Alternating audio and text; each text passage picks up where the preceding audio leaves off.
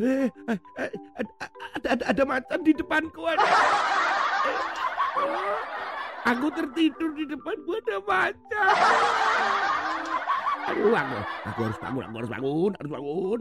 Ayo cepat mandi, cepat mandi, ayo cepat sekolah, cepat sekolah. Aduh, aduh, aduh, aduh, tolong, tolong, tolong. Ada apa sih? Kok takut-takut itu? Ya memang pantas untuk takut. Kenapa? Karena tempat tidurnya itu persis depannya itu ada macan atau harimau. ada-ada saja. Ternyata memang ada ya anak-anak ya. Sebuah hotel yang menyediakan kamar khusus nih dalam rangka hari raya Cina beberapa waktu yang lalu karena dalam kepercayaan mereka bahwa tahun itu adalah tahunnya tahun Shio Cina eh kok Shio Cina Shio macan atau harimau? Maka hotel ini menyediakan sensasi bagaimana orang yang datang di situ tidur bersama harimau. Ya pasti nggak bisa tidur. Ya pasti maunya berjaga-jaga terus siapa tahu tiba-tiba tidur di sampingnya harimau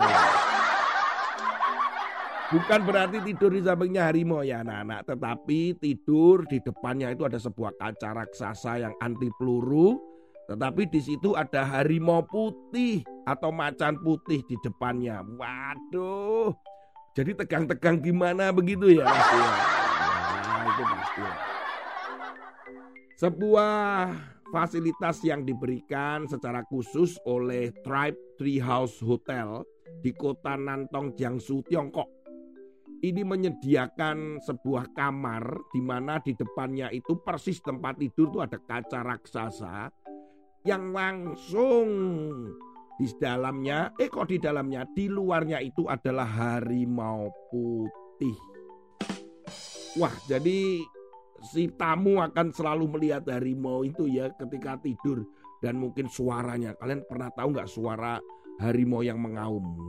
Wah itu menggetarkan jantung loh itu bisa nggak bisa tidur itu nanti ya. Kandang harimau itu memang khusus. Demikian pula tempat tidur atau hotel itu memang khusus. Tapi uh, ide ini saat itu menjadi masalah karena banyak pecinta binatang menentang ide manusia tidur berhadapan dengan macan atau harimau putih itu. Karena menurut mereka macan atau harimau putih itu juga melihat manusia itu juga gugup. Maka mempengaruhi katanya mempengaruhi kesehatannya dan sebagainya. Nah, manusianya juga gugup. Sama-sama gugup. Ya memang kebun binatang ini sebenarnya ada binatang-binatang liar yang lain sekitar 20 ribu hewan liar ada di sana dan memang kebun binatang ini juga kebun binatang yang termasuk terbesar di wilayah timur Tiongkok. Ya siapa sih yang mau tidur bersama harimau ya boleh-bolehlah dicoba gitu. Firman Tuhan hari ini Katoni akan menyampaikan di dalam Amsal pasal 19 ayat 15. Kemalasan mendatangkan tidur nyenyak, dan orang yang lamban akan menderita lapar. Kira-kira ya orang yang tidur bersama dengan harimau tadi itu kira-kira males apa enggak? Supaya enggak males itu harus tidur di sampingnya macan kali ya. Firman Tuhan hari ini mengatakan bahwa kemalasan itu itu mendatangkan tidur nyenyak. Ya memang orang malas itu salah satu cirinya senang tidur. Tidurnya nyenyak terus ya, tidur terus. Nah, itu disebut malas. Katoni pernah membahas ini tentang malas. Malas itu satu menular. Malas itu ternyata juga dosa anak-anak ya. Karena tidak melakukan apa yang diinginkan Tuhan. Terus nanti aja lah, nanti ditunda ini, ditunda itu. Kita pikir malas itu nggak apa-apa, tetapi ternyata di hadapan Tuhan malas itu benar-benar tidak baik. Seperti hamba yang malas itu pernah Yesus memberikan perumpamaan bahwa hamba, hei hambaku yang malas, bayangkan sampai itu ditegur oleh Tuhan Yesus. Dan hal ini juga pada kita, kita nggak boleh malas. Kenapa? Karena males itu yang cirinya adalah tidur nyenyak itu bisa dianggap juga lamban, itu bisa lapar anak-anak. Artinya apa? Kalau mau kerja, mau mendapatkan sesuatu ya harus kerja. Nggak boleh kita kemudian tidur-tiduran malas-malasan dan lamban. Ingin mendapatkan nilai baik selain kita berdoa ya belajar. Ingin menguasai satu ilmu tertentu, coding misalkan, atau bahasa asing misalnya, ya harus belajar. Nggak bisa datang begitu saja. Kalau cuma malas-malasan, mana bisa.